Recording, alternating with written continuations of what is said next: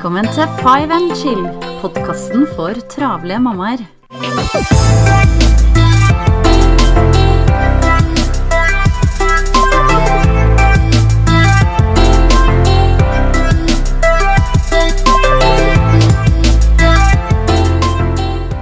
Hei og velkommen til en ny episode av Five and Chill. Janne fra Travel mamma her.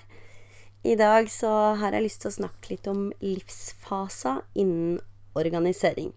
Fordi det er jo naturlig at man som nybakte foreldre har andre behov og utfordringer, og når det kommer til rydding og organisering, enn f.eks. en singel kvinne uten barn. Bosituasjonen er òg ofte ulik.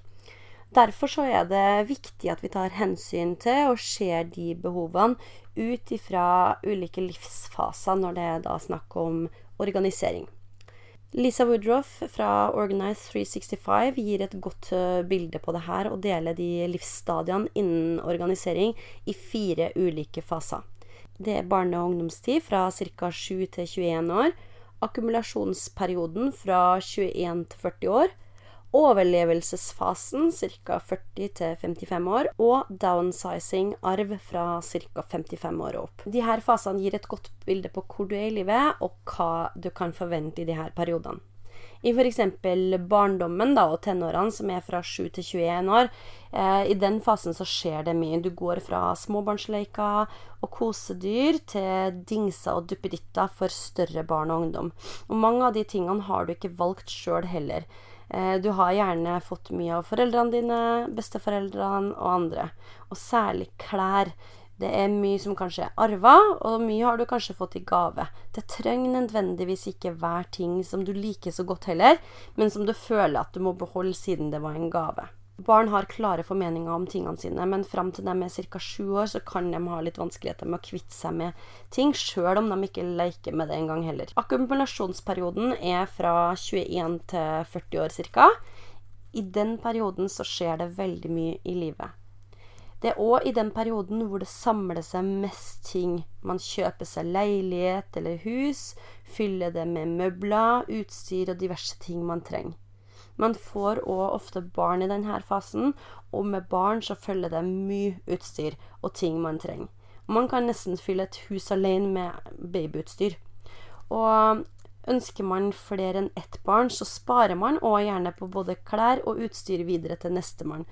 Og førstebarn trenger òg flere ting, så her kan det fort hope seg opp med ting over flere år. Og noen flytter òg flere ganger i den perioden fordi de trenger mer plass. Og med mer plass så trenger man flere ting. Vi veit ikke hva vi kan få bruk for etter hvert, og har vanskelig for å kvitte oss med ting.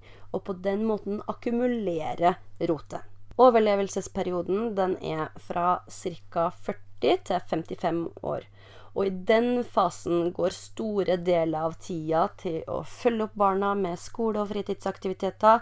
Du kjører dem kanskje til fritidsaktivitetene, deltar på dugnader, skihelger, cuper. Det er noen ting som skjer hele tida, og du gjør det du kan for å legge til rette for hele familien. Og det her er da i tillegg til din egen jobb. På organisasjonssida så hoper det seg ofte opp med klær og utstyr til barna.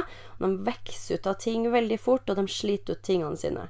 Ofte så rekker de knapt å bruke det før nytt må kjøpes inn igjen. Og i og med at man knapt er hjem, så har man heller aldri tid til å selge unna eller gi bort det som er i bruk.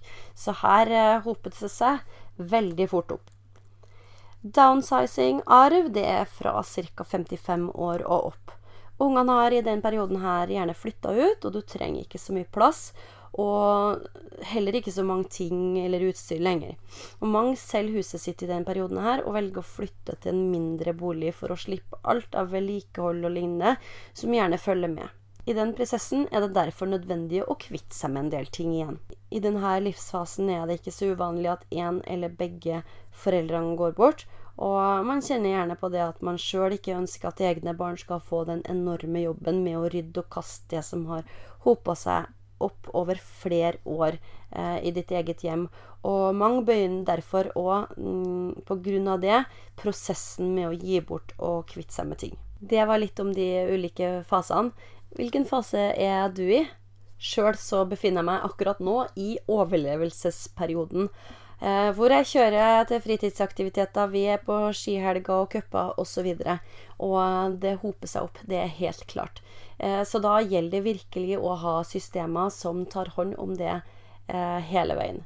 Vil du vite litt mer om eh, hvordan du kan få bukt med nettopp rote, og hva du skal gjøre med alle de tingene, så finner du masse tips og inspirasjon inne på www.travelmamma.no.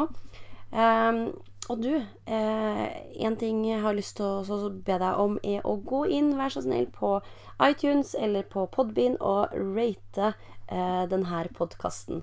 Og liker du det du hører, så del den også gjerne på Facebook. Tusen, tusen takk skal du ha. Jeg ønsker deg en uh, fortsatt uh, herlig dag, og så høres vi igjen snart. Ha det bra!